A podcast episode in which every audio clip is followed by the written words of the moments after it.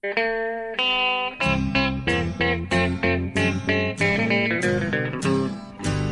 out there, we're on the air. It's hockey night tonight. Tension grows, the whistle blows, and the puck goes down the ice. The goalie jumps and the players bump, and the fans all go insane. Someone roars, Bobby scores at the good old hockey game. Oh, the good old hockey game is the best game you can name. And the best game you can name is the good old hockey game. Hallå, hallå, hallå, hallå, hallå, hallå, hallå! Fantastiskt varmt välkomna. Det är en ny vecka, det är en ny NHL-vecka ska jag säga.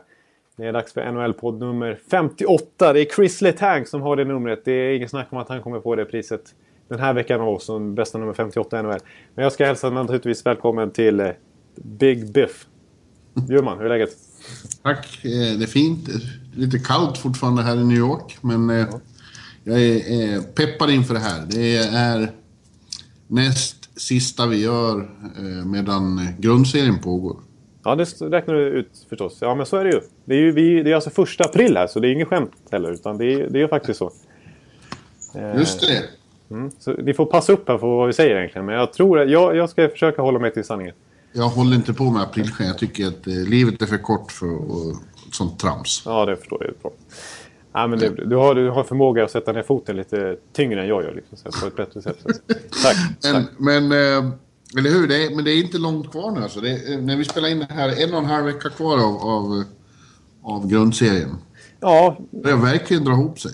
Det börjar extremt dra ihop sig. Nu ser man liksom så här, det är inte omgång 43 längre. Utan nu är det bara liksom, nu ser man, nu kan man på allvar snacka om när man ser på NHL-sändningarna så tar de upp Games Remaining istället.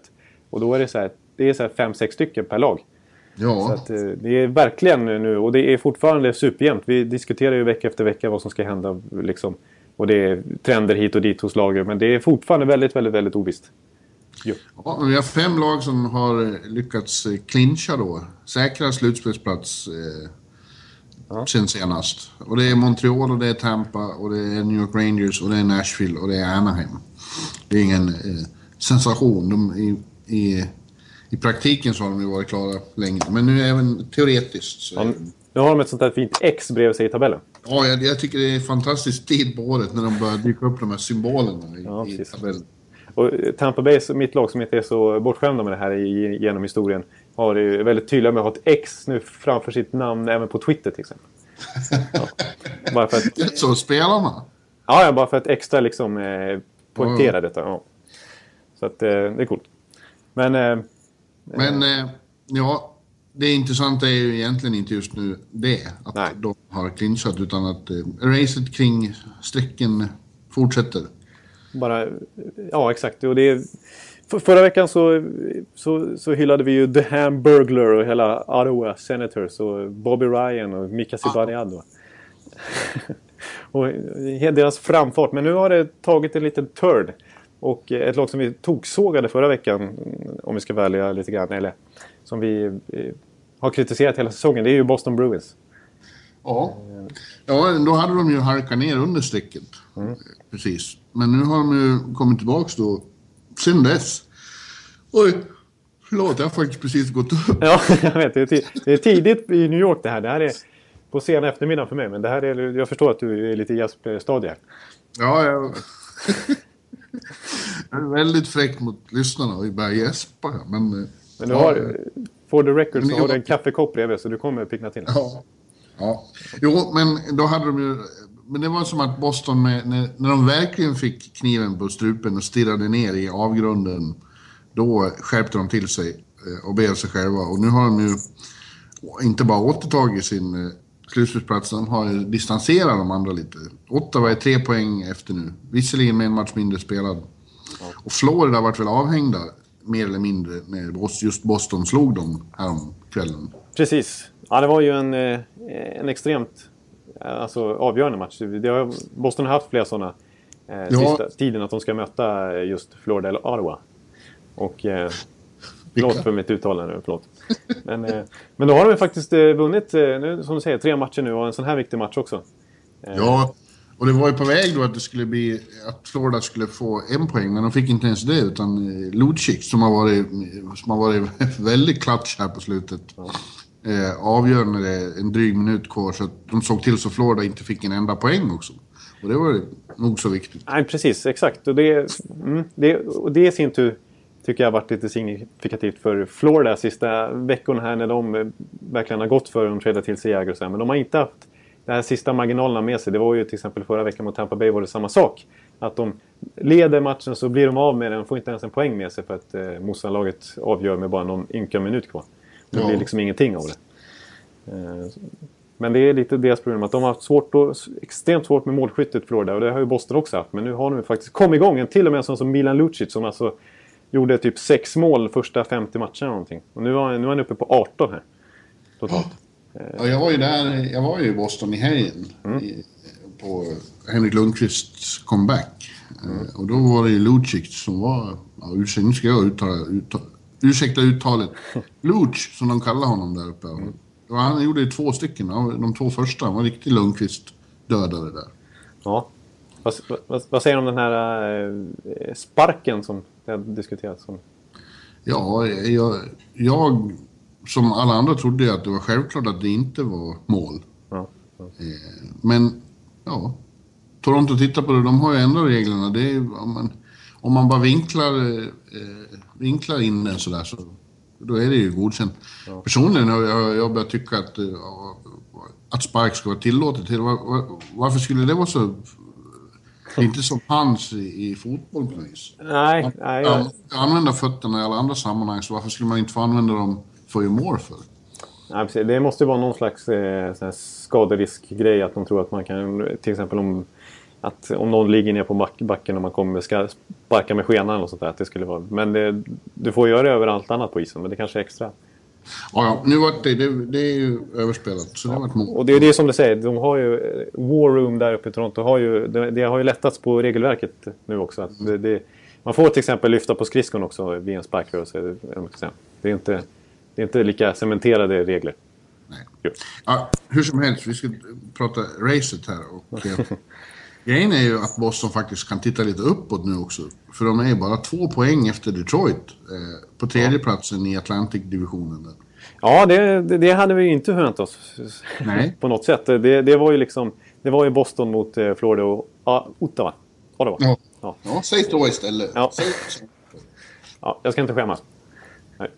Men, eh, men nu är det som du säger, precis. Det, det, överhuvudtaget jag tycker att det är några lag som har... Av sig, Islanders och Pittsburgh har skärpt till sig lite de senaste veckorna. Framförallt Islanders har varit rätt formsvaga. Men, men Detroit har ju börjat halka lite grann där. Eh, de, ja, det har ja, och, de, eh, på, på torsdag möts de ju. Då är Boston i The Joe imorgon. Ja, Eller i, idag kanske här är, när ni lyssnar, jag vet inte. mm. Och det blir ju riktigt infernaliskt. Ja. Eh, jag får ju säga att eh, jag kan inte tycka något annat än att det skulle vara väldigt häftigt om eh, Detroit ramlar ner och det blir Rangers Detroit första omgången. Det, det skulle vara en serie som jag skulle följa. Helt i din smak? Ja. ja, det förstår jag. Det är dels i svensk väg men också du har ju... Jag menar, det, det, det, det är sköna snubbar på pressläktaren du får. Och det är gött snack i omklädningsrummet sen ofta, ofta, ofta tänker jag. Ja, ja. Även Washington... Eh, det är bara en poäng bakom Islanders och Pittsburgh nu, så det kan ju bli korrigeringar där med. Ja, ja just det. Precis. Korrigeringar, förändringar ska jag säga, inte korrigeringar. Ja, ja men... Eh, ja, alltså för, för Bostons del vill jag säga också det. Inte för att eh, David Krejci har kommit tillbaka med, som en eh, poängmaskin på något sätt. Men de har ju ändå vunnit lite kan man säga. Det är lite markering sen han kom tillbaka att de har börjat vinna lite. Han har spelat över 20 minuter på match senaste tiden också. Eh, ja, de har insett allvaret på något vis. Jag pratade med Louie efter Florida-matchen där och han, han var mycket belåten med att det kändes, tyckte han, som att de, bortsett från andra perioden mot Florida, har spelat väldigt bra de här senaste tre matcherna. Ja, ja. Eh, jag har faktiskt lyft fram eh, en som fick pris som den bästa, typ, jag vet inte vad det kallas, Seventh Player of the Boston Bruins eller någonting. Och deras genombrottsspelare. Det var ju David Pasternak. Ja, han har, ja, det har rätt i. Han var riktigt duktig. Och ska vi nämna också Ryan Spooner där som ju faktiskt har tagit, eh, fick ersätta Krejci i andra kedjan när han var borta. Som har vuxit in i det nu. Eh, ja. De har faktiskt ett från att ha sett lite depleted ut liksom och inte lyckats ersätta sina killar som försvann till exempel i Ginla. Så dels har ju Lou Eriksson kommit upp i över 20 mål nu. Men, men de har ju liksom kommit lite from within också här med Pasternak som dök upp mitt i säsongen. Eh, tidigare än vad många trodde. Han gick ju ändå första rundan redan den här sommaren. Liksom. Och ja. den här Ryan Spooner som gör det väldigt bra faktiskt. Eh, och de två spelar alltså med Lucic. Så den kedjan är ju nästan hetast just eh, Ja. Så att, eh... Pasternak, det är kul. Din gamla kompis från omklädningsrummet här på Garden. Ja. du stod och beundrade honom lite. Ja, jag stod och tittade lite på den där. Jag, jag, jag förstår inte varför jag inte gick fram och pratade med honom. Jag skäms lite för det. Men, men vi pratade ju med Louie och Karl om det och de eh, slog ju fast att han kommer att bli en superstar i den här ligan. Enorm talang. Ja. Och det känns ju så. Ja, det är verkligen. För, att, för att visst, prata om det. Ja. ja men, eh, han, han, är ju, han är ju lite ojämn fortfarande. Eh, så det, det, finns ju vissa matcher när, när, man inte ser till honom nästan. Och han, jo, det kan man ju ursäkta honom för naturligtvis. Men när han är het, de matcherna när han, får mycket, när han förtjänar mycket speltid också. Liksom, då är han ju redan nu, tycker jag, en, en kraft att räkna med i NHL. Alltså det, är en, det, det märks att det där, det där är en, som du säger, en superstar i vardande. Han kommer redan om ett eller två år vara en kille som kanske alltså som är uppe på riktigt höga poängnivåer. Alltså. Ja. Underhållande igen också. Hur tror du det går då? Ottawa har ju ändå... Det, var en, det kändes som att den här Hamburglar-eran tog över lite, tog slut lite abrupt där. De gjorde några riktigt eh, dåliga matcher. De var inget bra mot eh, Rangers. Eh, och, men eh, kom tillbaka starkt och tog en viktiga två poäng mot Detroit här i tisdags då. Precis. Ja, jag håller med om precis. Det, det kändes som att publiken hade verkligen laddat med hamburgare där mot eh, ja. Rangers. Det var liksom, det var nu, det hade verkligen kommit igång då. Och så blir det 1-5 istället. Så det var ju bara att äta upp de här hamburgarna.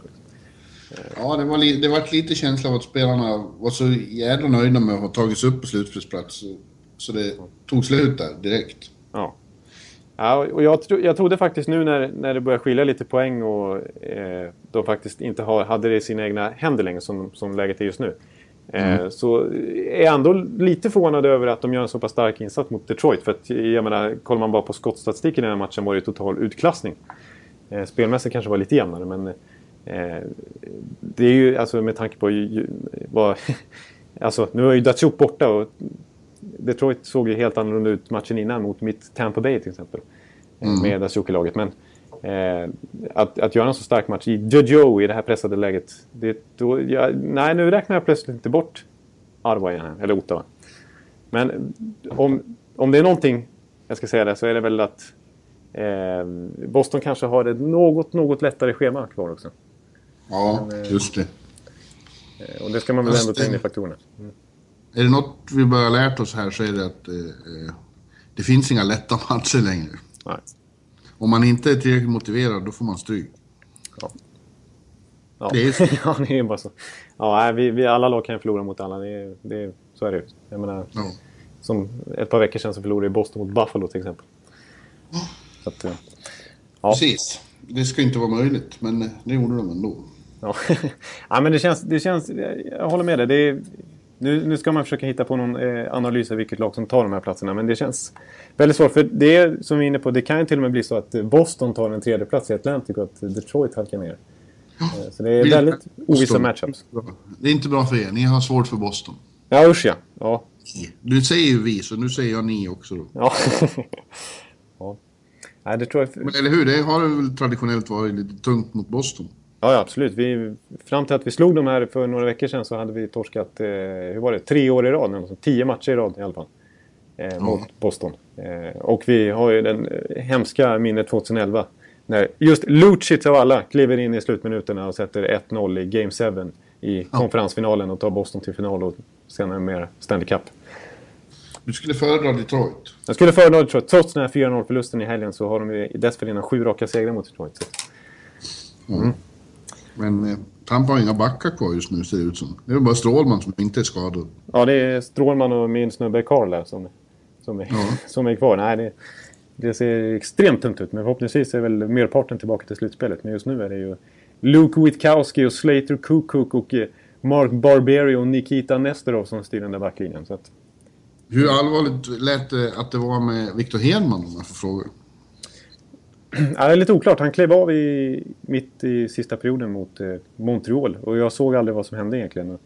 Eh, nej, det, han blev ju snabbt ruled out för matchen mot Toronto dagen efter. Men eh, Ja, week, det är lite week to week vad jag förstår. Mhm. Så, här, så det är lite luddigt faktiskt. Eh, Ja, Kul. så är det Men kul. du, vi har ju ett till race då som pågår i väst. Ja, Och det är Infinalis det med. Det är i allra högsta grad eh, Infernalus. Så det är nästan allra mest pikanta. Det är ju att eh, Los Angeles Kings ligger skrynkligt till.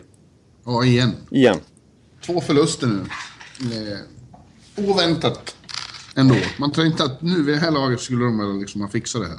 Ja, ja precis. Nej, de har haft många chanser nu. Det, det, vi har ju pratat om det här i, i flera veckor. Och det var ju för två, tre veckor sedan som de gjorde en stark uppryckning och hade 6-7 segrar i rad. Och liksom började komma upp på, ganska fin mark och låg inte ens på wildcard. Utan började hota Vancouver om andra platsen snarare i, i Pacific. Då.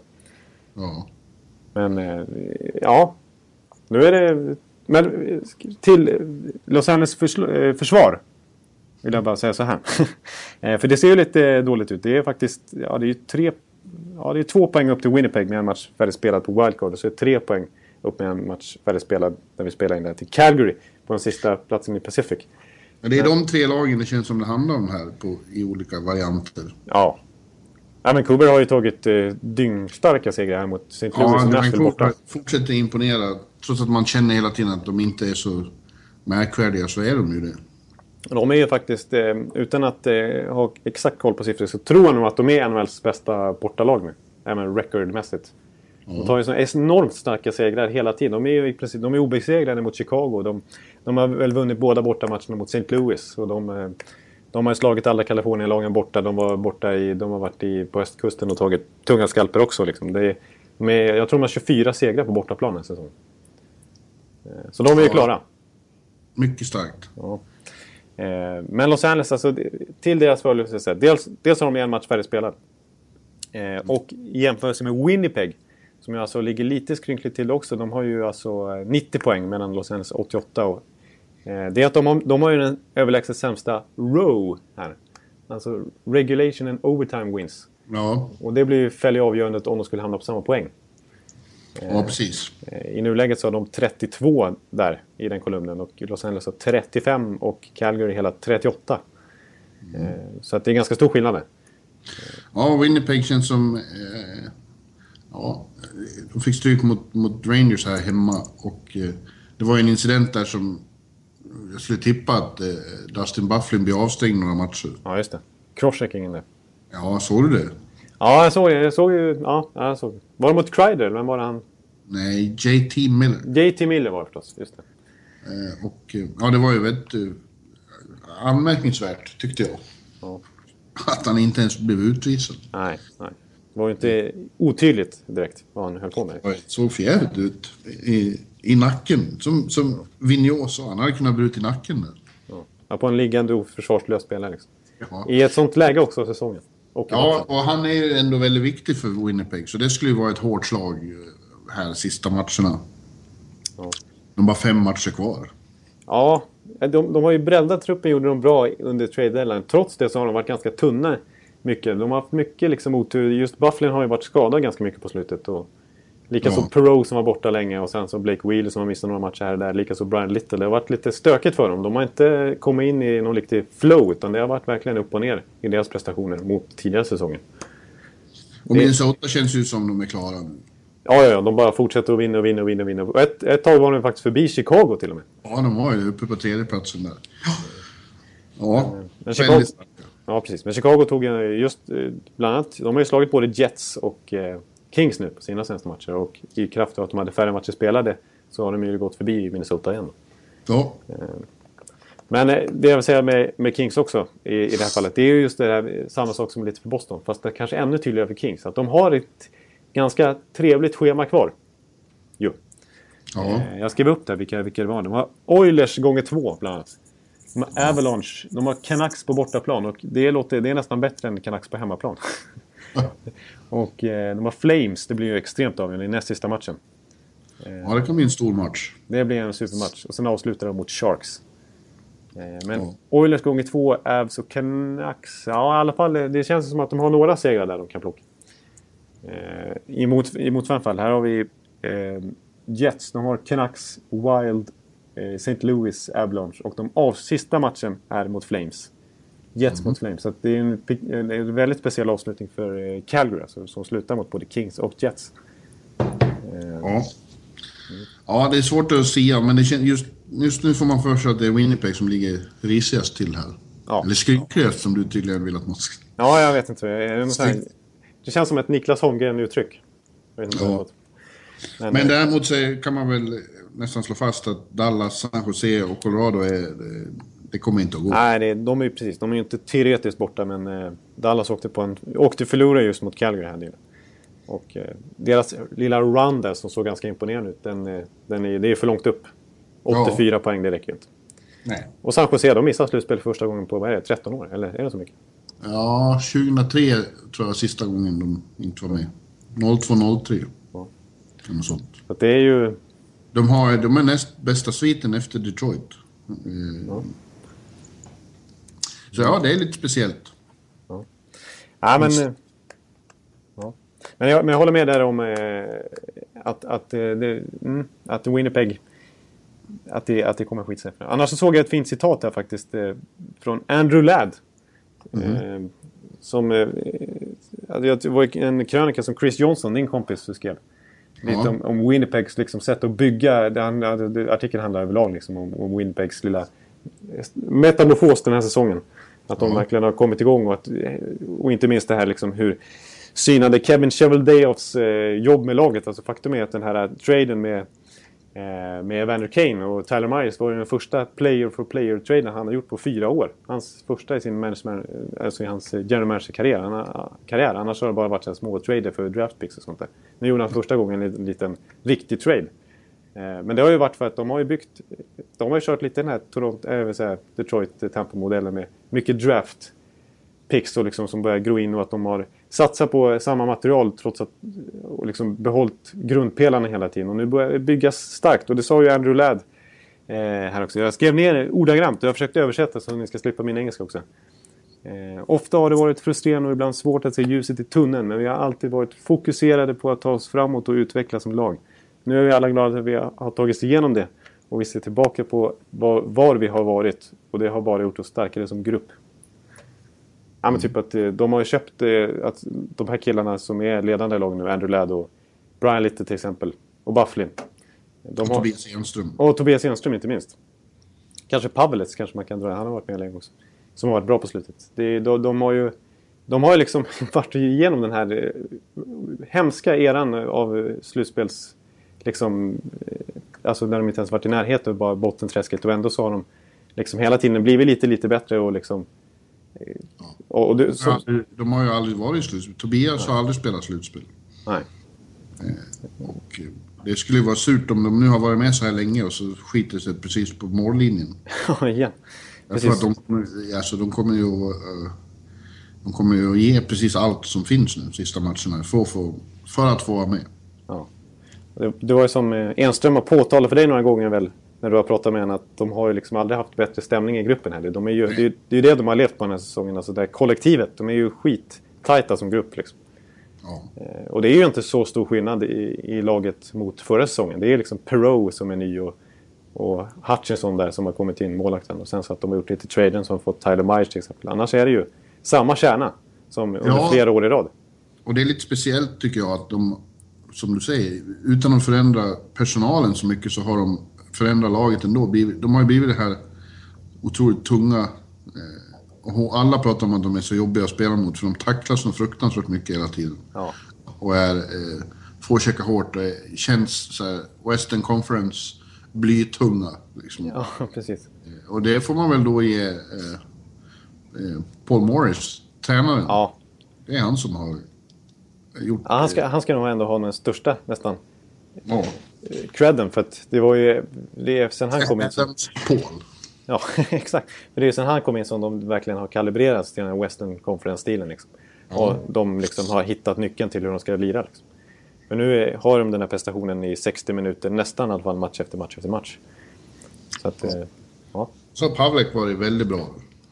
Ja, alltså precis. Vi eh, har ju dömt ut honom i så många år och eh, inte minst den här säsongen när Hutchinson tog över första spaden får man ju ändå säga. Men eh, från ingenstans egentligen. Men nu har ju Pavlec varit extremt bra här i senaste månaden framförallt. Ja, det var som att den här Hutchinson, eh, Hutchinsons framgångar triggade igång honom också. Ja, att han kände att, att han måste liksom, ja, nu är det upp till bevis på allvar liksom. Ja. Ja. Nej. Ja, men du... Eh, ja, nästa vecka när vi gör det här då kanske vi vet... Ja, vet vi något mer i alla fall. Men eh, det blir förmodligen ovisst ända in i... Ja, exakt. Precis. När vi, ja, om en vecka då, då är det alltså bara några ynka matcher kvar. Då blir det någon slags slutgiltig dom här. vad vi tror. Ja. Då vet vi kanske också mer om det, ett annat mer eh, udda race som vi också följer då. Eh, I botten av tabellen. Där de försöker tanka så gott det går. Buffalo och Arizona framförallt. Och i jakten på bra eh, lott... Eh, Ja, det, positionering inför draftlotteriet där. ja, just det. det. Det heter ju inte Stanley Cup där nere utan det heter ju McEichel Cup. Det är ju liksom... Det går ju ut på att förlora så gott det går och komma allra sist. då. Nej, och det är ju något väldigt ovärdigt med det här som när de möttes i Buffalo förra veckan och Buffalo-fansen jublade när Arizona gjorde mål och avgjorde på övertid och vann. Ja, det var liksom stående ovationer till Arizona i princip. Ja, för att de vill, vill förlora och det, det är ju det är nog fel på systemet när det blir så. Ja, Det tror jag alla behöver vara överens om. Det är bara från NHL-kontoret på Manhattan och säga nej, nej, så här är det inte. De vill vinna. Nej, exakt. Och, och spelarna hävdar ju det själva. Liksom, och, och, Jo, men det tror jag är Ja. sant. också. Spelarna skiter ju i det här. Liksom. De spelar för sina jobb. ja. Och vi spelar, så de vill inte förlora hockeymatcher. Det är det värsta som finns, säger de. Men de Eh, får, de får, de får, de får liksom sämsta tänkbara förutsättningar. Det, det är ju exakt, man får flytta upp den nivå för att det är ju... Ja, Ja. De här klubbarna väljer ju att, att sätta så dåliga lag på isen de kan. Så att även om de gör sitt bästa så ska det inte räcka. Liksom. Nej, klubbarna och fansen då. Men eh, eh, det känns som att så här kan det inte bli fler gånger. De måste ändra på det här någon, någonting. Och du hade något förslag, hörde jag. Ja, jag, jag, jag köper faktiskt det här förslaget. Det har varit, eh, vi har hört flera förslag senaste tiden. Och, och eh, faktum är ju att NHL lite grann tar lite babysteg mot att försöka förbättra det här. Alltså den här säsongen så är det ju faktiskt så att alla 14 lag har chans att vinna lotteriet. Som Ja. missar slutspel. Så det är ju en liten förbättring att eh, till exempel Los Angeles, om de skulle missa komma, så har de ju typ 0,7 procents chans att vinna. Ja. Och ettan har lite mindre chans än tidigare. Och nästa år ska det bli, utvecklas ännu lite grann att ettan kan till och med falla fyra steg tror jag. Så det kommer, det är, de tar ju steg mot det men det är ändå, det, det är ändå, du har ändå mycket högre procentuell chans om du kommer så långt ner. Så, så är ju systemet uppbyggt. Och det är, så det är ju värt att förlora matcher. Liksom. Eh, Men eh, förslaget som Adam Gold, filosofidoktor i USA, ja precis, bra titel, eh, kom med 2012. Eh, för det här, är ju varit, det här är aktuellt varje år egentligen. Det är, ju, det är kanske extra mycket just i år med tanke på att det är två sådana superstjärnor som, Ja. som tillfaller en om man kommer sist. Eh, men eh, men förslaget 2012, som han var i alla fall, det var, jag vet inte om du har hört det här, men det var så att när man matematiskt sett är uträknad från slutspel, när det inte finns någon som helst chans längre.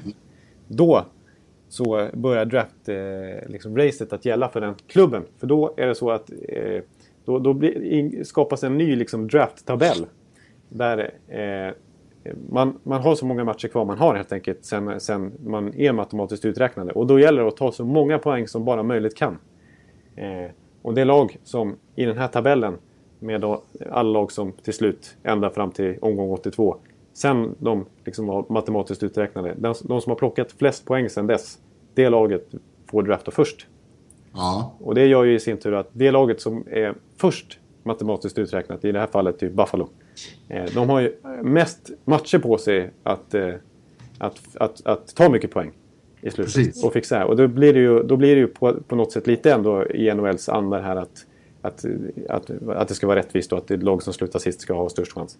För då har de ju, då har, men då, då har de i alla fall något att spela för. Det finns ju någonting att komma och titta på för publiken.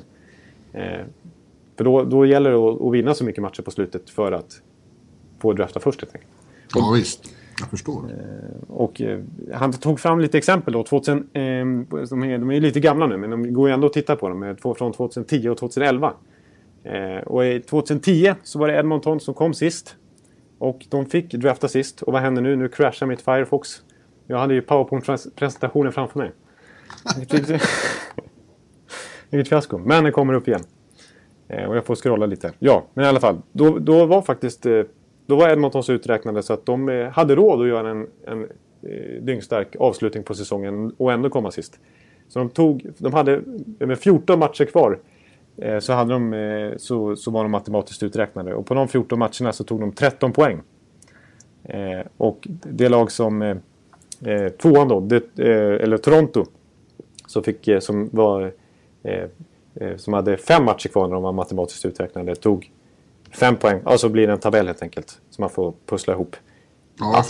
Men Edmonton skulle i alla fall ändå fått behålla sitt första val då, för att de ändå gjorde en stark avslutning. Eh, men ännu mer, det blir lite mer speciellt 2011 faktiskt. Då, eh, den har, nu plockar jag fram den här, då var det faktiskt St. Louis eh, som, var, eh, som skulle fått drafta 11 normalt sett. Eh, för de, de, blev matematiskt uträknade bara med fyra matcher kvar av tabellen. Men på de fyra matcherna så tog de sju poäng, vann tre matcher. Eh, och förlorade en på övertid. Och då skulle de faktiskt knipit första valet i draften. Eh, före, Ja. före och Edmonton som kom sist. De skulle få drafta trea. För på 12 matcher tog de bara sju poäng. Mhm. Så att... Ja, det blev kanske lite rörigt här, men ni förstår det poängen. Ja, lite. Men jag förstår idén. Det var det, det andra mindre, mindre raffinerat förslag jag hörde var något om att eh, man fryser tabellen eh, vid, vid, vid trading deadline. Ja, just det. Fast då, eh, då finns det inte någonting att spela för alls då sen. Ja, just det. Du tänker så. Mm. Nej, man vill ju ändå behålla ja, det raffinerade ända in till slutspelet. Ja. Och, det, och på något sätt blir det ju... Alltså, eh, ja, jag tycker om ditt förslag. Ja, jag tycker det är bra också på det viset att visst, dels, det fortsätter ju att gynna de dåliga lagen i draft-sammanhang. Men de får något nytt att spela för så att säga. Ja. Eh, och det innebär, det innebär också för alla lag egentligen att eh, missar man slutspelet så finns... Alltså alla lag har ju fortfarande nå- någonting att spela för. Nej. Ja. Så att till och med de som eh, missar slutspel liksom i si- sista, sista ynka matcherna där har ju fortfarande en teoretisk chans kanske att, att få första valet då. Liksom. Så Ja. då är det värt att gå och titta på de matcherna kanske i alla fall. Liksom. Det finns ju, och det finns ju fortfarande ett värde i att de som eh, är dåliga får välja först i och med att eh, det håller det håller ju eh, ligan levande. Ja, exakt. Det är ju lite NHLs modell att, att liksom, det ska vara ett utjämningssystem lite grann. Ja, Och eh, att dåliga lag ska få eh, större chanser, chanser att liksom förbättra sig. ja men det ligger ju något i, bra i det, eller hur? Annars blir det som i europeiska fotbollsligor, att det bara handlar om några få lag. Ja, exakt. Nej, jag, jag, jag- kan köpa det och det har väl blivit ännu tydligare, än- inte minst med lönetaken naturligtvis. Eh, och det, gör, det skapar ju en, en, en mycket jämnare liga och det, ja, jag tycker det är ändå bra. Och det, det ligger ju ändå fortfarande väldigt mycket strategi naturligtvis i, i management och så här. Det, är, det blir en, ännu mer taktiskt, det blir ännu mer intressant tycker jag av lönetaket och hela den här utjämningsgrejen. Ja. Sen så kanske inte kapitalister och så här tycker att det är det bästa. Jag vet inte. ja. Nej, ja, hör du, vad ska vi prata mer om då? ja, vi ska se, vi, vi, vi, race också.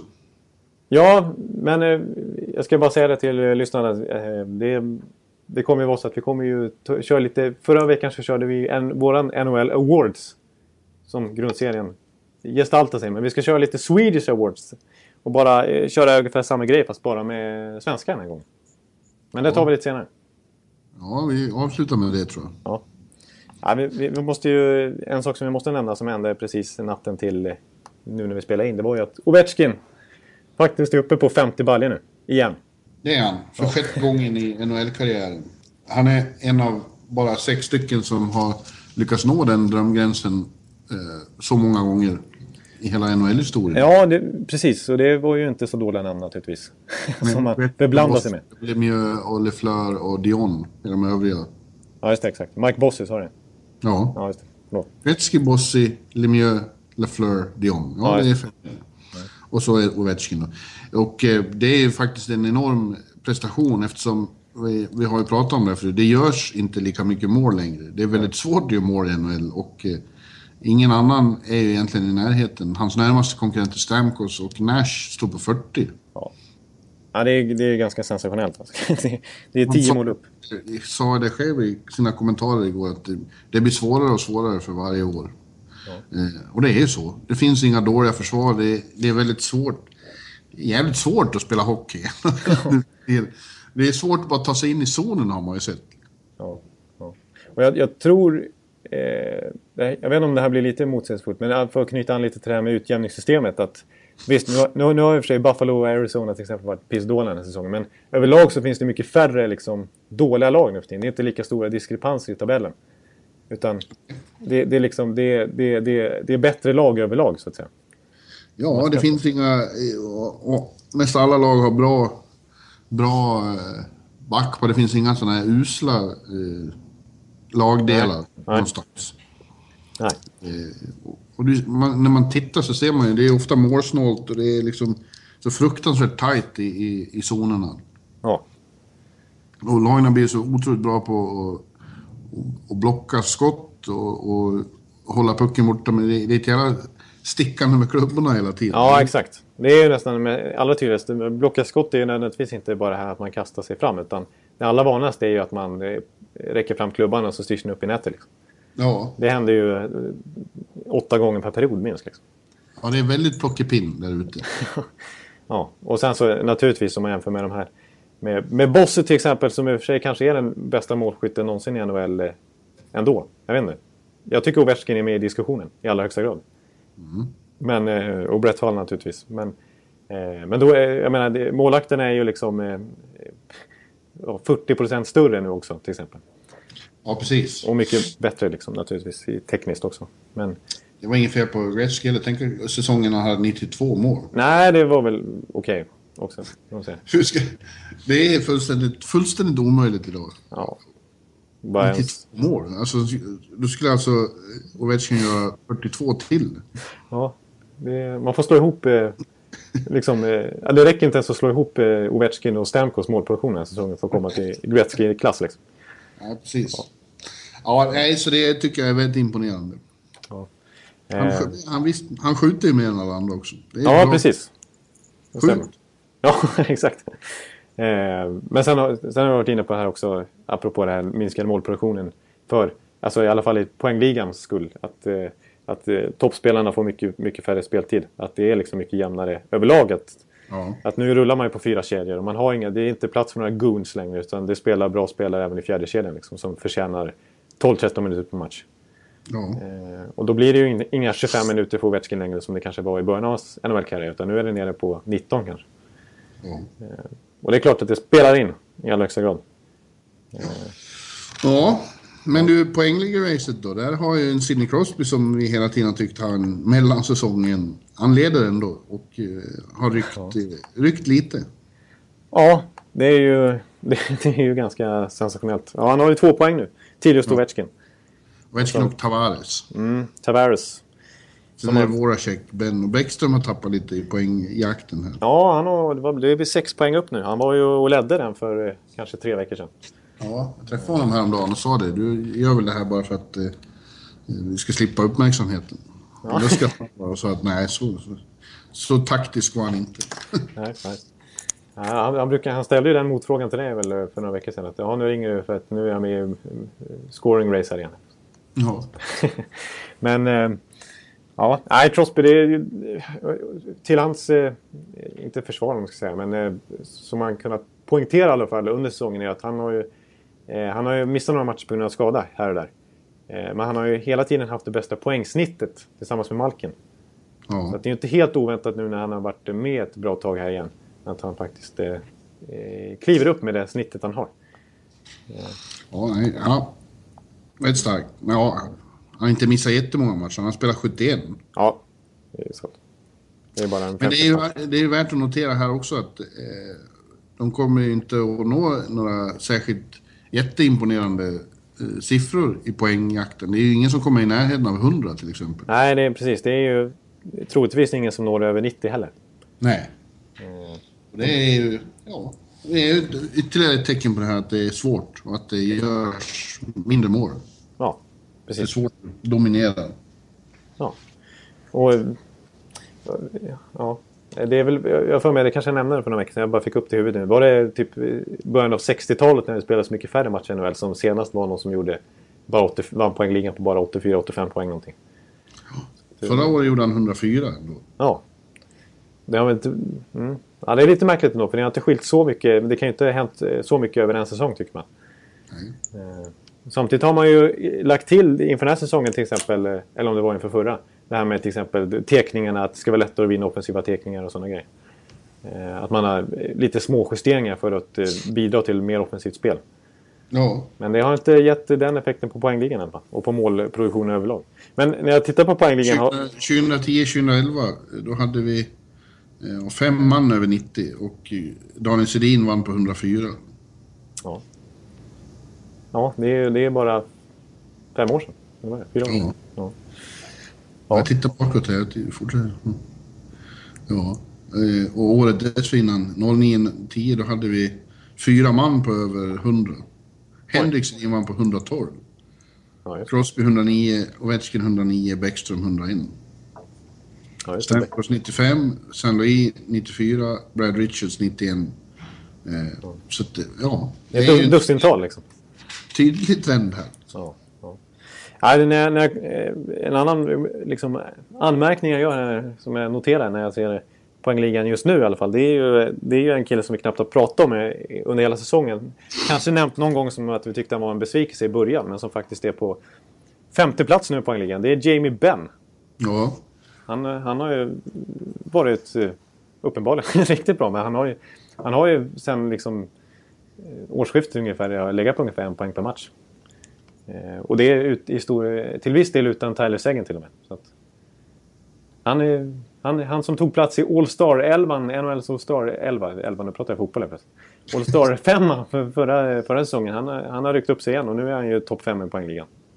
ja. Så att, eh, eh, jag såg ett mål här, det som jag hade missat att han gjort tidigare en säsong mot Columbus som han gärna får youtuba fram. Men han, det är ett fantastiskt mål han gör. Jag vet inte riktigt när den säsongen det var men, men han... Eh, eh, han ja, det såg ut som att, att han skulle bli av med pucken flera gånger. Han stod och balanserade på blålinjen. Det var nästan lite farligt att han inte ballade ner den i, i, liksom, i, för att liksom bli av med pucken. Men han fortsatte att liksom stå och balansera med den. Och han fick tre Columbus-spelare på sig som, som, som du, eh, vi just har snackat om. Det var stickkrig där liksom, precis vid blålinjen. Han lyckades ändå komma ut pucken på något sätt. Sen åker han fram för, och liksom förbi alla de här tre Columbus-spelarna. Bara ra, liksom, raspar upp, jag fick ingen bra uttryck nu, bara sprätter upp den i krysset. ja. eh, Jag fortsätter titta här på 05-06.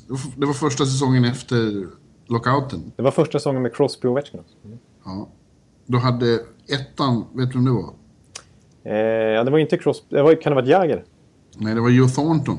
Jaha, ja, just det. Mm. 125 poäng. 125 poäng, ja du ser. Ni- 29 mål och 96 assist. 96 assist, ja. Då snackar vi så här 80-talet ungefär. Ja. Jagr var tvåa med 123. Ovechkin trea med 100. Danny Heatley 103. Daniel Alfredsson 103. Crosby 102. Eric Stahl 100.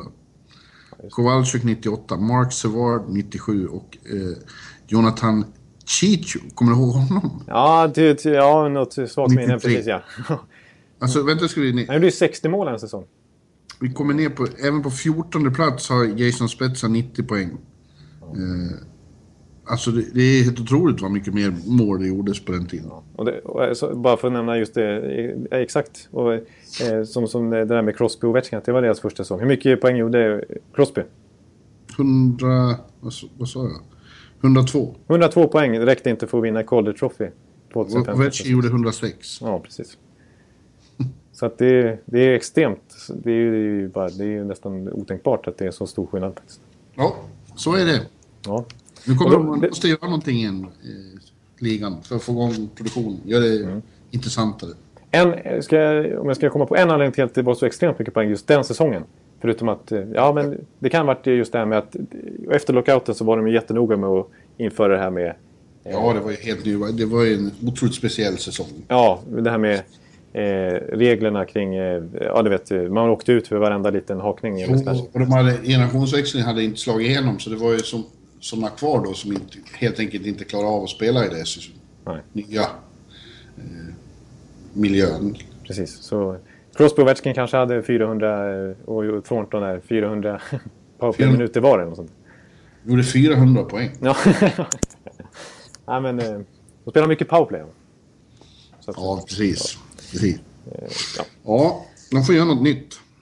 Ja, en, en snubbe till som vi nämnde förra veckan som, som gjort mycket poäng och som, som faktiskt, som jag noterar, har gjort 23 poäng på de senaste 15 matcherna. Det måste ju nästan vara bäst i NHL. Eh, det är en kille som, som vi båda konstaterar varit formstark senaste tiden i förra podden. Men det är, jag måste återigen bara nämna det för att han är ju helt under radarn och det är ju Jiri Hudler. Ja. Det är ju sensationellt. De, man, man snackar ju om att de, att de är ganska impotent offensiv där i, i Calgary. Att de lev, levt lite på målvaktsspelet och på Jordan och Wideman och Chris Russell och backarna där och TJ Brody. Liksom. Men de har ju har många spelare med, med fin poängskörd ändå. Med, inte minst i Hudler och även eh, Monahan och, och Goodrow naturligtvis. Ja. Mm. A lot can happen in three years, like a chatbot may be your new best friend. But what won't change? Needing health insurance. United Healthcare Tri Term Medical Plans, underwritten by Golden Rule Insurance Company, offer flexible, budget friendly coverage that lasts nearly three years in some states. Learn more at uh1.com. Ja. Oh. Ja, ska vi, eh, ska vi, ska vi hoppa på Ja, eh, Swedish Awards? special eh, Swedish eh, NHL Awards. Eh, Där vi bara tittar på svenskarna i de olika kategorierna. Ja. Och då får vi ta bort coach och eh, general manager för där har vi inga. Nej, det, precis. Hade det varit Finland hade vi åtminstone kunnat återigen utse Jarmo Kekkeläinen till den bästa genom Men det... Ja, vi kan ju utse bästa svenska assisterande coach. Ja, just det. Mm. För vi har väl två åtminstone. Ja, Albelin är väl också... Albelin och Uffe Samuelsson. Precis. Ja, Det känns- det Vi har ju haft Dahlén, men det var ju ett tag sedan. En, ja. Ja. Eh, ja. Ja, ja men eh, det känns som att eh, Uffe ska definitivt ha den titeln. ska väl det. Ja, och så hade vi Kalle Johansson ju. ja, ja, ja, ja, absolut. Men det har vi inte längre. Nej, men du, om man skulle... Ja, vi börjar väl som man brukar börja. Det blir ju Hart Trophy då. Ja, Och eh, det är inte... Och vi ska vara noga med det här nu att det inte bara är den som är bäst, utan den som är viktigast för sitt lag. Ja precis. Så lyder ju motiveringen. Ja. Det, det, det den, Most den... valuable. Precis. Och när vi diskuterade det här bara någon i förbigående förra veckan efter vi hade gjort avsnittet då, då kom vi fram till ett ganska intressant namn tycker jag. Ja, det här tror jag namnet, eh, när man har sett eh, liknande eh, rankingar och listor så- nämns han inte direkt. Utan, så det här kanske är en liten chock, men, men jag, jag håller nog med dig. För du, det var det första namnet som du eh, eh, droppade faktiskt. Ja, och det var ju faktiskt Niklas Kronwall. Ja. Eh, jag tror inte det finns någon svensk, ja det finns några till som är väldigt viktiga för sina lag, men förmodligen ingen som är fullt så viktig som Kronwall. Han är alltså deras eh, första back, number one, och han är eh, extremt viktig. Han, han var skadad en match, dessbättre för Detroit. Men det gav utslag direkt. De är extremt beroende av att han är hel och kan spela. Ja, ja precis. Nej, men jag köpte det ganska, alltså liksom motiveringen när du, när du kommer den. För det, det, det är verkligen... Eh, alltså, eh, det, vi har ju varit inne på det hundra gånger här med att eh, Detroit inte lyckas göra någonting åt sin backbesättning. Liksom. Att, eh, återigen skulle vila ett enormt tungt ansvar på, på Kronwalls axlar den här säsongen. Ja. Eh, och nu har visserligen hans kollegor ryckt upp sig ganska markant. Inte minst Ja, som Danny DeKaiser och Cal Quincy till exempel. Ja, de var ännu mer beroende av honom förra året. Ja, men, precis. Men, eh, fortfarande så är han ju i en klass för sig där. De facto, exakt, så, så spelar han ju 26-27 minuter per match och är första PP-back och eh, första boxplayback. Liksom. Eh, och är ju, spelar alla vitala lägen. Liksom. Han är ju en... eh, Ex, han är ju bär ju den backbesättningen. Han är ju, den, han är ju på samma sätt som Lidström gjorde. Fast med nästan ännu tuffare uppgift nu med tanke på vilka kompisar han har att leka med där. Ja, att, eh, ja, men det, det, det, hans största utmanare är ju en annan back och det är ju Erik Karlsson tycker jag. jaha. Jaha. Ja. Nej, men just det här med Most Valuable, alltså. Eh, det, men det är lite samma sak där tycker jag. Att, att, eh, att tar du bort Erik Karlsson ur den backbesättningen. Så, Ja. så, så är inte Ottawa med i slutspelsracet. Nej, så, så är det såklart. Förut har ju då Henrik Lundqvist också varit känd som en giv, ständig Ja. Hart Trophy-kandidat för, för Rangers. Eh, men nu har det ju då visat sig när han har varit borta så länge att de har ju Kent Talbot att hålla i handen.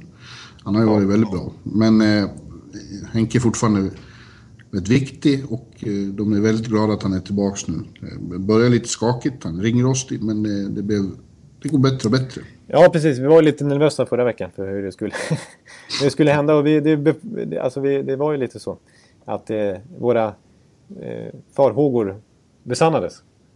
Ja, det, var, det, gick, det började inget bra mot Boston alls. Eh, och det, man, man, såg ju på honom, man ser att när, när han är så bra så eh, är han ju... Då står han ju nästan alldeles still och bara är rätt hela tiden. Ja, ja exakt. Och där var han yvig och gjorde väldigt mycket rörelse och då förstår, förstår man att eh, han, eh, timingen så är inte där. Men det blev bättre under matchen och det blev ännu bättre mot Winnipeg igår. Det är nog, eh, blir nog väldigt bra. Ja, precis. Ja, Winnipeg sköt ju klart över 30 skott i den matchen och ändå så vinner Rangers med 3-2. Och det var ju Winnipeg som ja. förde spelet lite grann kan man säga. Men det var Henke Lundqvist som överglänste Pavlets, var det väl som stod. Eller var det ja. Hutchinson? Nej, det måste vara Pavlets. Ja, det var Pavlets. Ja. Men vi har ju också eh, bröderna Sedin. Och de är ju som en... Som, det kan man ta vilken... Vem som helst av dem. Men de... Vancouver är inte fullt lika beroende av dem som för fyra fem år sedan. Men Nej. fortfarande så är de ju viktiga. Tar man bort den ena så försvinner mycket av eh, sprängkraften hos den andra. Precis, det märkte man lite grann tycker jag i OS. När, när bara ena parten var med liksom. Att, eh, ja. Det var inte samma grej. Eh, så att de är men absolut, de är otroligt viktiga. Men det är just, just av den anledningen så, så kanske de inte nämns i de här sammanhangen som den alla givna kandidaten. Eftersom att man kopplar, man, man, de, de blir ju som två spelare igen. Och man har lite svårt att välja en av dem. Liksom. Bäckström är ju såklart också viktig i Washington. Ja. Eh, som radarpartner åt den här 50-målsskytten. Ja, alltså precis. Och jag tycker definitivt man ska nämna Niklas Bäckström som är eh, så skicklig i båda zonerna. Det är han ju faktiskt. Han ja. bör på allvar liksom nämnas som en, alltså en tvåvägsforward i allra högsta grad. Verkligen. Eh, eh, men... Han har 55 assist i år och merparten har ju varit i de där 50 Ovechkin-målen. Ja, precis. Och just av den anledningen så, så, så i och med att Ovechkin är med i liksom hela NHLs Hart Trophy-race här kan man säga. Ja. Så, så, så kanske Bäckström tappar lite i den bemärkelsen. Men det, tar du bort Bäckström ur Washington då har de ju jätteproblem. Eh, så är det så vilka är våra nominerade här nu? Det är Kronwall, Erik Karlsson och Bäckström. Jag säger Bäckström. Ja, jag, skrev, jag, jag skrev upp mina nominerade. Då har jag Erik Karlsson, Kronwall och Bäckström. Ja. Och, och jag, jag...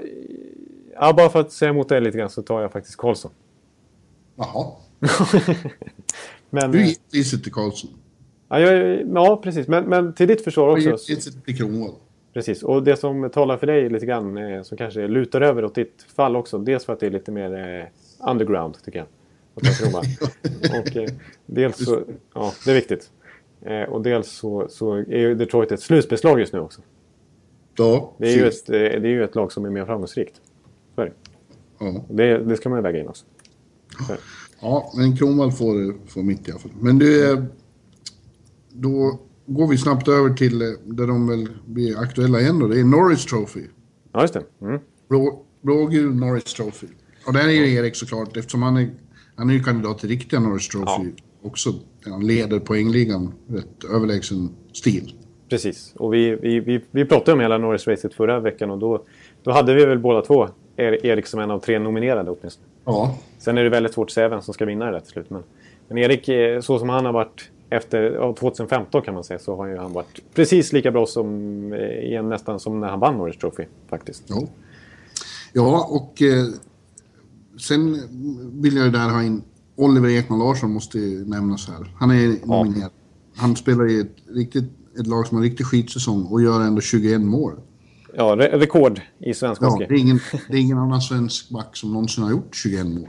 Nej, i, i världens bästa liga. Så det, det är och, och jag, vi har ju varit lite halv hårda kanske med, inte hårda men med Ekman Larsson. Men vi, jag, jag, gjorde en, jag fick ju lite skit faktiskt för att jag dissade han på min topp 10-lista av svenska spelare för några veckor sedan. Ja. Eh, det hade jag, kan jag nog hålla med om att det, det var lite dåligt. Ja, det var ju medvetet i och för sig. Men, eh, men det är ju för att man... Eh, Eh, ja, alltså det, det, det, han spelar ju så dåligt lag och de, de är ju dyng... De, de är ju tankar ju liksom. Och, och Ja. Han har ju dålig plus minus statistik. Men vad ska han göra i det här laget? Hela laget ligger ju på katastrofsiffror liksom. Och, eh, och det tycker jag är lite intressant när man pratar med eh, Oliver Ekman Larsson. Just det här med att han, han gör mer mål än assist. Det är ju jätteovanligt för en back. Ja. Eh, Men det, det beror ju säkert eh, till eh, 78% på att, eh, att, att han har så dåliga lagkamrater. De förvaltar ju inte hans passningar. Liksom. Nej. Så han får göra det själv. Liksom. Ja, men den tredje nominerade finns det väldigt många alternativ då tycker jag. Man Ja, tänker sig en eh, defensiv kraft så är ju Anton Strålman ett klart alternativ. Ja, det Niklas. Hjalmarsson eh, som eh, har plus 24. Eh, Ja. och, eh, Lindholm med plus 23 också. Ja, Hampus Lindholm. My, mycket, mycket begåvad ung man. Ja.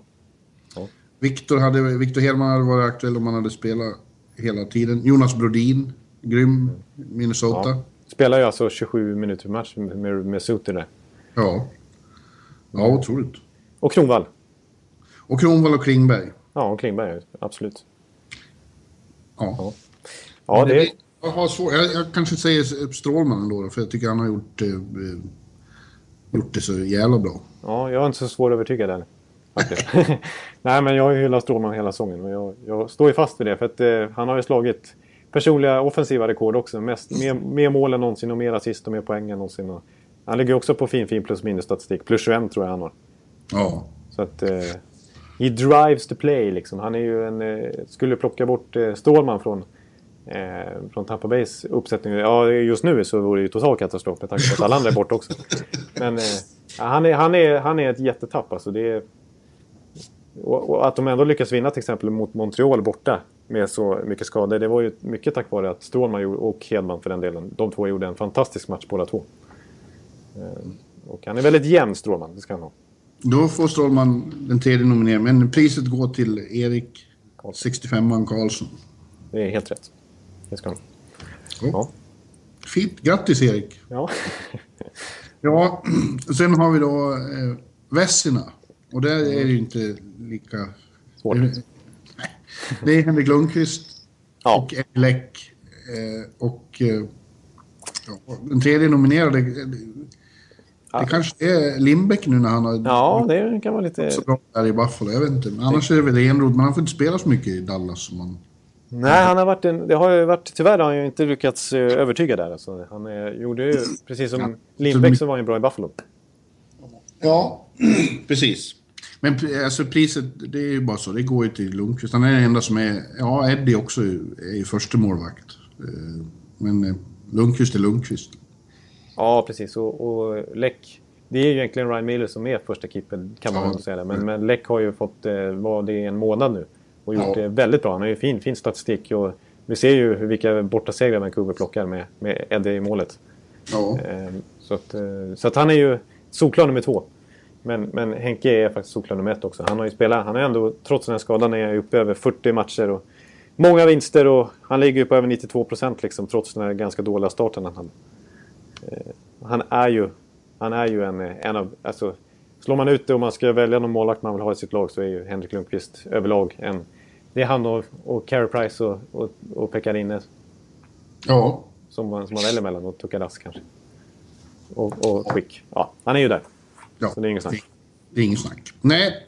Men du, sen har vi en spännande kategori, är ju Calder Trophy. Ja. Rookie. ja. Det, här, här, alltså, det finns nog ett givet eh, val här, men det finns ju mängder av alternativ ändå. Ja, det gör det. Ja, Filip Forsberg är ju Calder-kandidat också på, på, i, i högsta grad i, i de stora sammanhangen. Så han är ju självklar kandidat här. Jag, jag slänger in, som vi redan har nämnt, John Klingberg som jag tycker har varit en braksuccé i, i Dallas ändå. Ja, ja. Och när han nu slutligen fick in sitt elfte mål där så tangerade han ju Lidas eh, rookie-rekord för svenska backar i antal mål. ja precis. Det är, det, är, det är något att skriva upp på CVt. Ja, och han har faktiskt bara spelat 60 matcher. Han var inte med från början. Nej. Nej, precis. Exakt. Han var, dels var han väl skadad lite grann på campen. Eller han gjorde ju en stor operation Ja, i för, i slutet av förra säsongen. Så han fick ju en maximalt dålig start nästan på, på, på säsongen. Och så fick han börja i AHL då. Ja, och sen kom han in först i november. Ja, Ja. pre- precis. Och sen så gör braksuccé direkt. Ja, Och, och skulle han varit med från start, då kanske han har varit uppe i 50 poäng. Och snackar vi en back som gör 50 poäng jämfört med Forsberg och Gaudreaus eh, 60 poäng ungefär som forward. Så då kanske Klingberg hade varit med och hotat på det stora, Absolut. stora priset. där. absolut. Ja. Så han tycker jag ska vara med. Men sen finns det... Ja, trean i, i poängligan för svenska rookies är ju kanske den största överraskningen. Och det är Viktor Rask i, i Carolina som Jaha. producerar eh, rätt, tämligen frekvent. Och eh, det var ingen som trodde att han ens skulle spela i Carolina. Han fick chansen när det var så många skadade i början. Ja, det- Och då tog han chansen och, och verkligen tog den och såg, såg till att när folk började komma tillbaka så gick det inte att ta bort honom i alla fall. Nej, precis. Det, var, det är för mig en jätteöverraskning. För att han var ju inte... Han var ju bra i AHL förra säsongen, men han var ju absolut inte... Han gjorde ju så här 35-40 poäng någonting. Det var liksom inte... Det var inget givet att han skulle ta en NHL-plats i år. Men sen så var han ju... Sen så som du säger, det var ju, de hade ju stora skadeproblem och inte minst Jordan Stahl som bröt benet. Eh, Men eh, sen var han ju... eh, De, hade ju, de, de spelade någon eh, cup där på s- försäsongen. Vad heter den? Tri, Tri-City Tournament, eller vad heter det? Något sånt där. Ja, just det. Eh, där flera, flera lag är med och, och där var, ju, var det ju Viktor Rask som vann hela poängligan i den turneringen. Så då gjorde, gjorde han ju så, han gjorde, ja, han gjorde det för svårt för coacherna att peta honom för varje steg som gick. Så att han var ju... Han fick ju börja säsongen som andra center till och med i Carolina. Ja. Eh, och han är ju, som du säger, han, nu är han trea i den svenska rookie-poängligan med 31 poäng eller sånt där va? 35 eller vad? 31. Ja. Ja, och, och har etablerat sig som en pålitlig tvåvägsspelare. Precis, det är ju inte bara en, en pure offensive player utan det är ju en kille som spelar boxplay också. Jobbar i båda riktningarna. Ja, Bra för Carolina. ja, det är det. Ja, det men det finns ju fler som har överraskat. Melke Karlsson är ju en stor, stor överraskning i San Jose som Melkin. Melk, The Melkman kommer från i princip ingenstans och tar plats i första kedjan där. Eh, Alexander Wennberg har visat sig inte behöva stå på tillväxt i AHL utan är en utmärkt playmaker. Sju poäng på senaste fem matcherna för, Wen- för Wennberg faktiskt. Ja, Jesper Fast som har blivit så väldigt viktig spelare för Rangers och Delaros som har tagit en tröja i, i det mest klassiska laget av dem alla. Ja, precis. Det var jag, det jag förvånad över. För att, eh, jag får mig min första... Var det, var det min, min första match i korresoffan på plats? Som Delaros gjorde sin debut. Jag har för mig det. Ja, så Då- kanske det var ja. Ja, då, då kändes det som att det var lite, eh, lite emergency recall. Liksom, lite grann. Att, att han fick eh, hoppa in på någon skada. Men sen dess har han ju varit kvar. ja. Liksom. Eh, tredje kedjan. En ung Jordan Stahl säger Therrien. Och han har ju haft Stahl i, i Pittsburgh så han vet vad han pratar om. Ja. Mm. Han får mycket förtroende, Delaros. Han spelar i... i, Och i ja, precis. Ja, roligt. Men vem ska vi ta som tredje? Raquel ska ju nämnas Ja, också. Precis. Jag, jag, i min, som jag skrev upp här så har jag faktiskt skrivit Raquel. Alltså. Ja. Jag vet inte om du håller med det, men jag, jag, jag tänkte att jag skulle vara lite underground. Jag tar Raquel. Jag tycker... Ja. Eh, nej, men jag, jag är imponerad av att han har tagit... Han har också tagit en plats som tredje center i Anaheim. Också ett väldigt, väldigt bra lag. Verkligen. Och eh, framförallt, han är kanske lite mer offensivt utpräglad. Men, eh, jag tycker alltså, matchen jag såg på plats med när vi var i Nashville. Eh, då, då var han ju, alltså att när man såg han på plats och hans rörelsemönster och liksom hans... Han är, ju en, han är ju en extremt underhållande spelare. Han har extrem kreativitet och bra skridskoåkning och kommer till avslut tycker jag. Ja. Eh, och, och, framför- men kanske ännu mer en playmaker. Så att jag, ja, jag, jag, ser, jag ser så stor potential i honom att jag, jag vill eh, nämna han redan den här säsongen. Jag tror Okej. att... Mm, ja. då har han, då har han plötsligt väldigt stark, om några år kanske, när han har växt på sig ytterligare. Så down the middle där med, med Getzlaff, Kessler och Rakell. Liksom. ja. Det är bra. Så det, han är din tredje nominerad. Ja. Ja, min tredje, då säger jag The Melkman ändå. ja, men det är lite coolt också. Men priset går ju såklart till Filip Forsberg. Ja, det är, det är inget snack. En fantastisk eh, sensation den här säsongen. Ja. Men du, då har vi Selke också, det är intressant. Ja, ja. Svenska Selke-priset. Och du, du har ju redan nämnt att Niklas Bäckström är underskattad i den här rollen som eh, tvåvägsman. ja. Och samtidigt gör mycket poäng. Så han är väl en given kandidat där. Ja, eh, jag har skrivit upp några namn här, men jag vill, jag, jag, när jag ändå nämner Bäckström så har jag faktiskt han som etta. Ja. Eh, och kollar man lite i statistiken så, så, så, är det också till hans fördel tvåvägsmässigt. För att när, när vi pratade lite Selke förra veckan där, så pratade jag till exempel om att eh, eh, det här med takeaways och giveaways. Liksom. Hur mycket puckar man ger bort och hur mycket man roffar åt sig själv. Och där har han alltså, extremt bra siffror. Jag tror han har 51 takeaways och 30 giveaways. Och sånt där. Ja. Och det är väldigt bra jämfört med andra svenskar när jag jämför det. Han har också bra tekningsprocent på nästan 54 procent tror jag. Eh, väldigt bra. Eh, vilket man brukar väga in i Selke. Och ja. eh, han är mycket, han, han är ju, han är faktiskt, det, det hör inte till vanligheterna kanske, men han har ju ganska mycket tacklingar den här säsongen. Nästa, jag tror han har 90 tacklingar. Ja. Eh, så att, eh, jag menar han, han, han spelar spelet över hela banan. Och han gör ju mycket poäng naturligtvis också med toppen av poängligan. Så jag tycker, jag tycker, och eh, Barry Trotz har ju sagt det hela säsongen, inte minst i, i, i serien där. Road to Winter Classic, att eh, Bäckström är en Selke-kandidat för honom. Ja. Så ja. Ja. Henrik Zetterberg är en klassisk, ett klassiskt namn i de här sammanhangen. Ja. Måste också nämnas. Han och Dödsbok är, ja. är ju enormt fina. Eh, ja, helt precis. precis. Jag, jag valde ju Datsjuk som den overall Selke-vinnare. Ja. Eh, men Zetterberg, utan att uh, ha det på fötterna här, så är jag ganska säker på att han har varit nominerad åtminstone en gång tidigare ja. i karriären. Ja. Ja. Han har ju vunnit något pris. Han har vunnit, ja. Var det, var det Selke? Ja, det kan ha varit det. Ja. Eh, samma år som de vann, han vann Consmite. Precis, det var ju den stora bucklan han fick eh, lyfta, förutom Stanley Det är väl det finaste pris man kan vinna? Ja, det tycker jag är det absolut finaste priset. Mest värdefulla spelare i slutspelet. Det är ju det, är ju det viktigaste. Ja. Så är det. Men jag har ett till namn faktiskt. Ja, eh, som, som också har fina eh, statistiksiffror just vad gäller den biten. Och det är eh, Gabriel Landeskog. Faktiskt. Ja, absolut. Mm. Och han har kommit igång lite poängmässigt framåt också sista tiden. Han är faktiskt uppe på delad första plats i den interna poängligan. De med Iginla där på 55 poäng. Det har överlag varit tunnsått med poäng bland Colorados stjärnor. För att vi förväntar oss att McKinnon och Duchene liksom och Landeskog naturligtvis och Iginla att de ska ligga på... Att de skulle vara på... Att alla hade en realistisk chans att vara med i poängliga-toppen. Men ingen har ju varit riktigt där. Men Landeskog som började rätt svagt har varit... Eh, jag kan tänka mig att han är nästan en poäng per match senaste två månaderna. Eh, ja. Och eh, som sagt, han, han tacklas ju överlägset mest av alla svenskar i hela NHL. Forwardsmässigt i alla fall. Jag tror han har 170 tacklingar någonting och närmaste utmanare har typ 120 eller någonting. Ja, det är en det är en tung spelare att möta. Ja, och han har 20, jag tror han har 20 eller 15 mer blockade skott i närmaste svensk också. Eh, så att eh, han är ju liksom, han är ju given i deras boxplay till exempel. Och han, han är ju given i boxplay även när, det, när han spelar i Tre Kronor och Mårts använder han ju stenhårt där. Ja. han, är, han har ju extrem offervilja för laget liksom. Så han kastar sig fram och täcker skott. Det är hänsynslöst ibland. Han, han har ju bra speed liksom, han, som han utnyttjar i, i både backcheck och forecheck liksom. Eh, så att, eh, och han tacklas ju hejvilt. Liksom, så att, och han kan ju till och med slåss för laget. Eh, ja. Så att, jag tycker Landeskog, även om han kanske haft en lite upp och ner säsong framförallt i början då, så, så tycker jag att det är en Selke-nomini.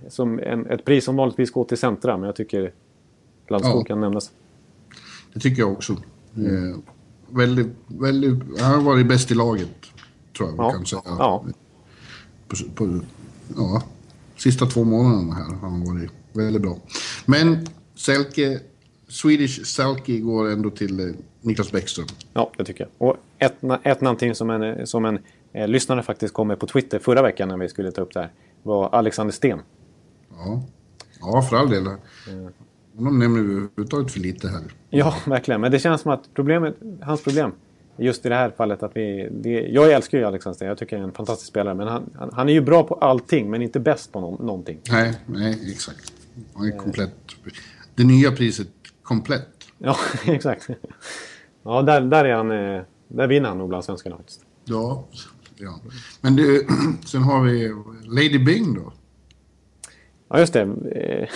har du inte tänkt så mycket på kanske? Nej, det har vi inte tänkt på. Jag har, jag har däremot hittat på själv eh, Bill Masterton. Ja, men vi börjar med... Vi måste ja. ha Lady Bing. Ja, Och jag tror att den som kanske har spelat flest matcher, det vet jag inte, men Marcus Johansson ligger bra. Han har bara 10 utvisningsminuter på 77 matcher. Ja, det är och för sig en... Det är ju, ett, det är ju en eh, Lady Bing-notering. Elias Lindholm samma sak. 75 matcher, 14 utvisningsminuter. Det är ju lite så här Ryan O'Reilly-klass nästan. Viktor Rask. eh, Också så här låg. Eh, Rickard Rakell. Din Rakell har ju spelat 67 matcher och bara 8 utvisningsminuter. Ja, ser, han är städad. Tredje center. Ja. Eh, det var väl fint. Ja, det är fint. Bäckström brukar ju inte sitta så mycket i utvisningsbåset. Hur har det varit sett ut för honom? Ja, lite, ja, lite mer. Han har lite mer. Mm. Ja. Ja, då är han ju diskvalificerad. Eh, Oskar Klevbom kanske. ja. Han har ändå spelat 54 matcher och bara varit utvisad två gånger. Oj, ja, det är ju fantastiskt för en back. Ja, det är det. Och det, det låter ju så här som att Oskar Klevbom att det är en... Han, han, han, får, han spelar... Han är sjunde back i princip. Eller han spelar... Han, får, han, är, han lirar eh, nio minuter per match. nu, Men så är det ju inte. Han, han hade någon match här för några veckor sedan när han spelade 27 minuter tror jag. Han har, ligger, ligger konstant över 20 minuter senaste tiden. Ja. Så det, det han gör det bra där i, i Edmonton den här säsongen. Också. Ja, är, han, när man pratar med folk från Edmonton, de ser honom som en av de stora framtidshoppen där. Som back och allt. Ja, men då får, då får Oskar Klevbom få Lady Bing. Ja, det var trevligt. Underground. Men nu Masterton då, det har jag precis varit med och röstat här i, i Är det sant? Rangers, eh, ja det har vi redan gjort. eh, Våran kandidat. Good Guy och Masterton har vi röstat på här. Eh, New York, chaptret av eh, eh, Professional Hockey Writers Association. Ja, det. Men eh, får du avslöja vem det är då? Ja, det, har, det vart väl... Eh, Ja, det, jag har sett att det har kommit ut massa namn nu från de flesta klubbarna. Men, det var eh, Mark, Mark Stahl tror jag som fick Masterton eh, det. nomineringen och Derek Stepan fick Good Guy. Ja. Vem, vem, vem, eller vilka röstar du på då? Jag röstade väl på Martin St. Louis för Masterton och eh, jag tror eh, Hagelin för Good Guy. Ja, just det. Ja. Ja. Agelin är ju, eh, han är ju good guy 110%. Han är ju Ja, det är han. superskön. Ja. Eh, ja, men eh, ja, Saint Louis. Ja, jag, jag, jag, jag ska inte diskutera Saint Louis för då blir jag upprörd. Och, och liksom sådär. Det blir tycker Har man gjort det han gjorde, då är man ingen Masterton. Nej, det var man verkligen inte.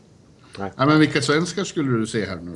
Ja, alltså, jag valde ett namn som jag skrev upp eh, speciellt här. Jag, det finns ju andra man kan lyfta fram, men jag, jag, är, ändå, jag är så imponerad över Henrik Zetterbergs... eh, Liksom, att, han, att han har kommit tillbaka så starkt den här säsongen. Ja, Och knappt missat en enda match med tanke på hur det såg ut förra året när han knappt kunde gå. Och han hade så enorma ryggsmärtor. Det kändes som att det där kan påverka. Det är nästan kroniskt såg det ut att vara. ja. Eh, för han så som han böjde ryggen och liksom eh, haltade fram. Eh, och att han kom tillbaka till slutspelet till och med då. Eh, samma säsong. Eh, precis. och han är ju inte... Jag menar, vi har ju sett den här säsongen killar som är strax över 30 som tappar allting. Alltså Danny Heatley, Mike Richards. Eh, det finns ju mängder av ex exempel. Eh, inte minst den här säsongen tycker jag. Ryan Malone, Brennan Morrow. Liksom så här, som inte alls är på samma nivå längre. Sen finns det goda exempel som Jagger framförallt och Ginla till exempel. Men eh, Zetterberg är definitivt en sån också som sköter sin träning till 110 procent alla dagar i, i veckan. Liksom Ja. alla dagar om året. Så att, eh, han, trots den här enorma skadan så, och 34-35 år som han är nu. Eh, så gör han en så stark säsong. Och spelar i princip varenda match. ja, Eh, och det är väl dedication to hockey som Masterton. verkligen. Det har du verkligen rätt i. Eh, och- precis, så jag, jag ville, därför vill jag ha, ha, nämna honom allra, allra tydligast där faktiskt. Ja, Så att, eh, helt korrekt. ja, jag, jag hittar på lite eh, två egna kategorier också. Eller tre till och med. Låt höra. Ja, jag vet inte om de var så jätte... Det är inga, inga 5 plus-kategorier här, men jag, snyggaste målet eh, jag tror jag att eh, vi båda är överens om. Det kom, Ja, det är Gustav Nyqvist. ja, När han snurrade runt i, i mot två Ottawa. varv i, Ottawas zon och sen eh, stängde in den. Ja. ja, man hade pucken i 27 sekunder när de räknade ut. Ja. Ja. Helt otroligt. Det måste man youtuba fram om man har glömt bort. Verkligen. Det var ju 27 sekunder eh, magi av sitt liv. säga. det var det. Ja.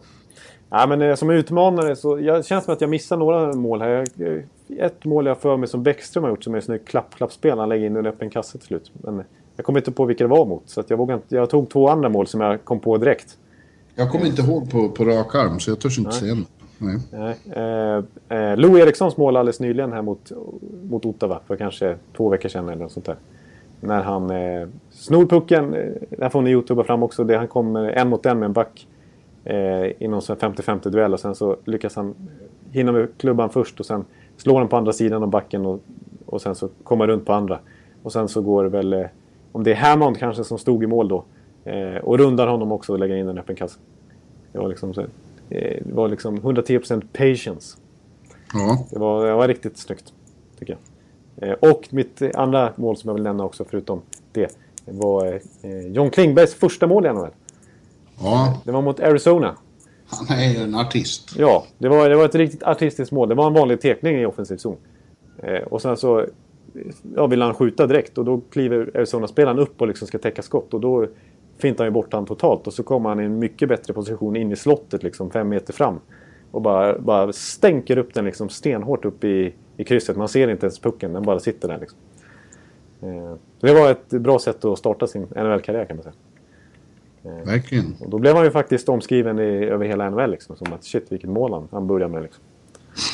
Så att, eh, ja, Det kommer de att få se mer av. ja, precis. Ja. Nej, jag, jag ska inte... Ja, jag kan ta bästa smeknamn också. Jag, jag, jag, tror att, jag, tror att du har bättre koll på alla smeknamn. här. Eh, Ja. Men, eh, ja, Jag tycker Klingberg ligger bra till där också med Burger. ja, Burger är, har jag skrivit upp här faktiskt. Och The, Milk, The Milkman. Ja, The Milkman är ju riktigt bra. Jag gillar ju, jag gillar ju Melken också. Att man, Ja. Den är Malkin i den jämförelsen där. Eh, men... Eh, och sen så Wild Bill. Ja, William Karlsson. William Karlsson, ja. Ja. Eh, det var ju framförallt i Anaheim, men han måste ju, det måste ju behålla, det måste ju de säga i Columbus omklädningsrum också. Ja. Eh, och sen ett, ett, som i och för sig är ett jättetråkigt smeknamn, men som, det här får lyssnarna rätta mig och kanske du också om du har koll på det. Eh, om det, om, om det har varit så här i flera år. Men det är först i år som jag har noterat att till och med NHL.com har, har skrivit om hans namn. Så att han officiellt inte ens heter Tobias Enström längre, utan heter Toby Enström. Ja, På NHL.com också tycker jag. ja. Det, det är ändå starkt att när man är så fastsatt att man inte ens man döps om officiellt. Liksom. Ja. Jag vill också här nämna klassikern eh, eh, The Mule, får man inte glömma. Ja, The Mule är, det är ju fantastiskt med. Ja. Andrei Burakovsky kallas eh, Buracuda.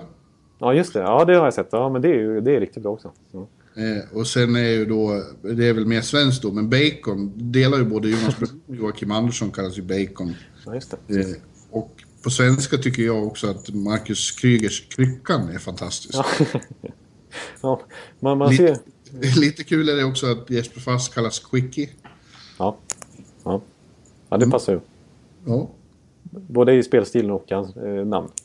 Precis, Ja. precis. Det är, det är humor. ja.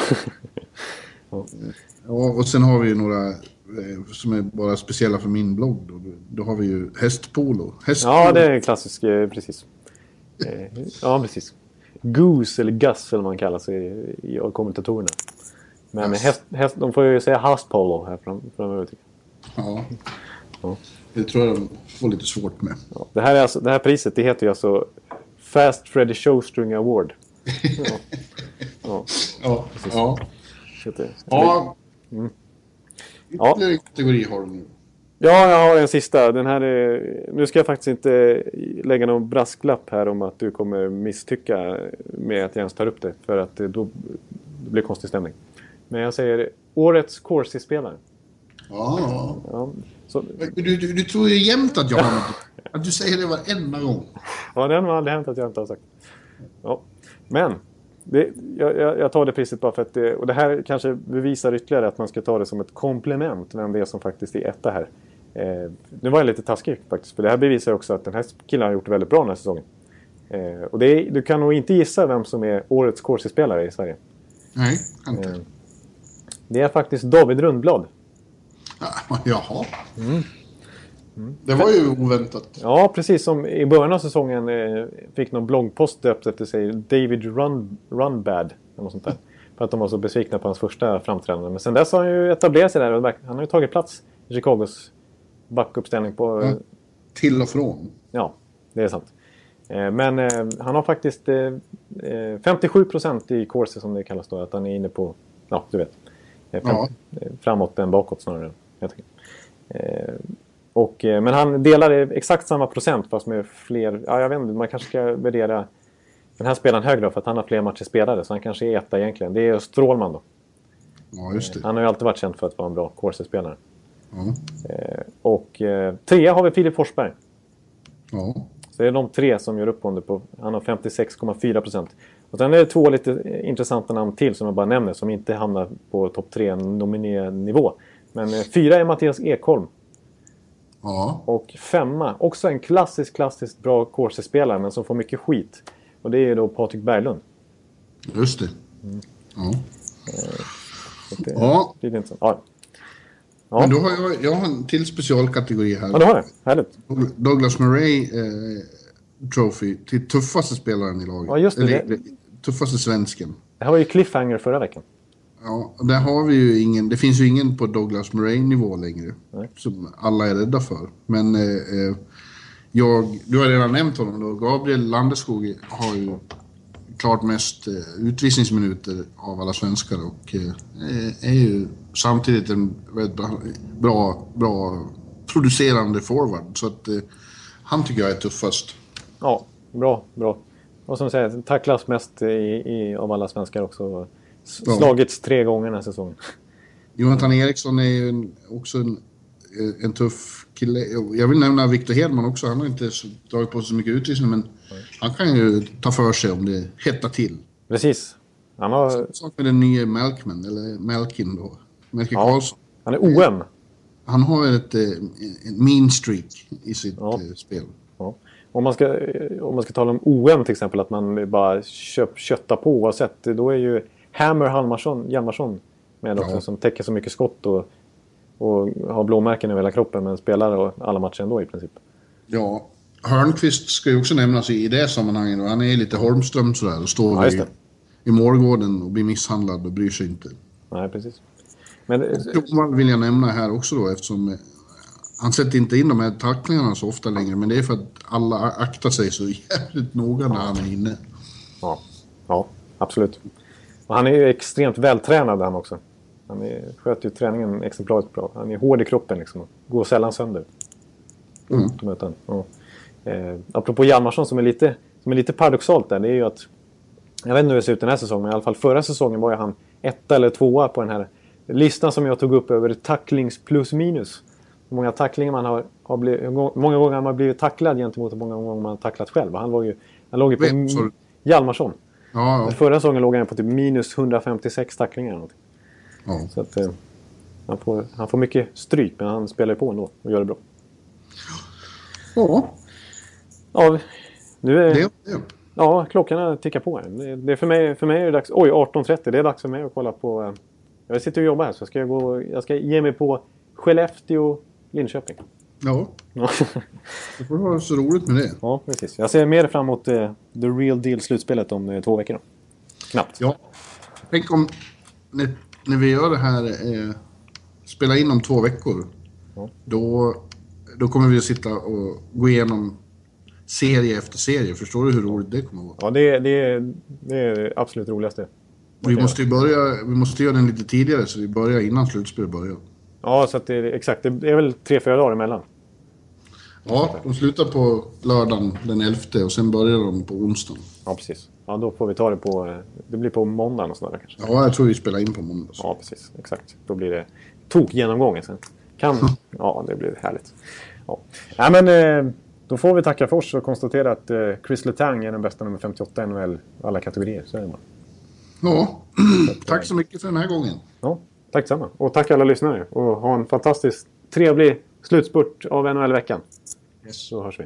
Grymt. Hej, hej! Hej, hej. Hallå, hallå, hallå. Hallå, hallå, hallå. Alex Chiazot, Joe Luis Arena och Esposito. Esposito. Uttalsproblem, men vi tjötar ändå. Och alla kan vara lugna, inspelningsknappen är på. Bjuder Hanna Kohl, han är grym i sin roll. Från Kållesoffan har han fullständig kontroll på det som händer och sker. Det blir ju allt fler som rattar in hans blogg. Gå och lyssna på hans podd.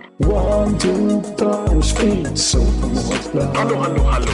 One, two, punch, speed, so Hallå, hallå, hallå.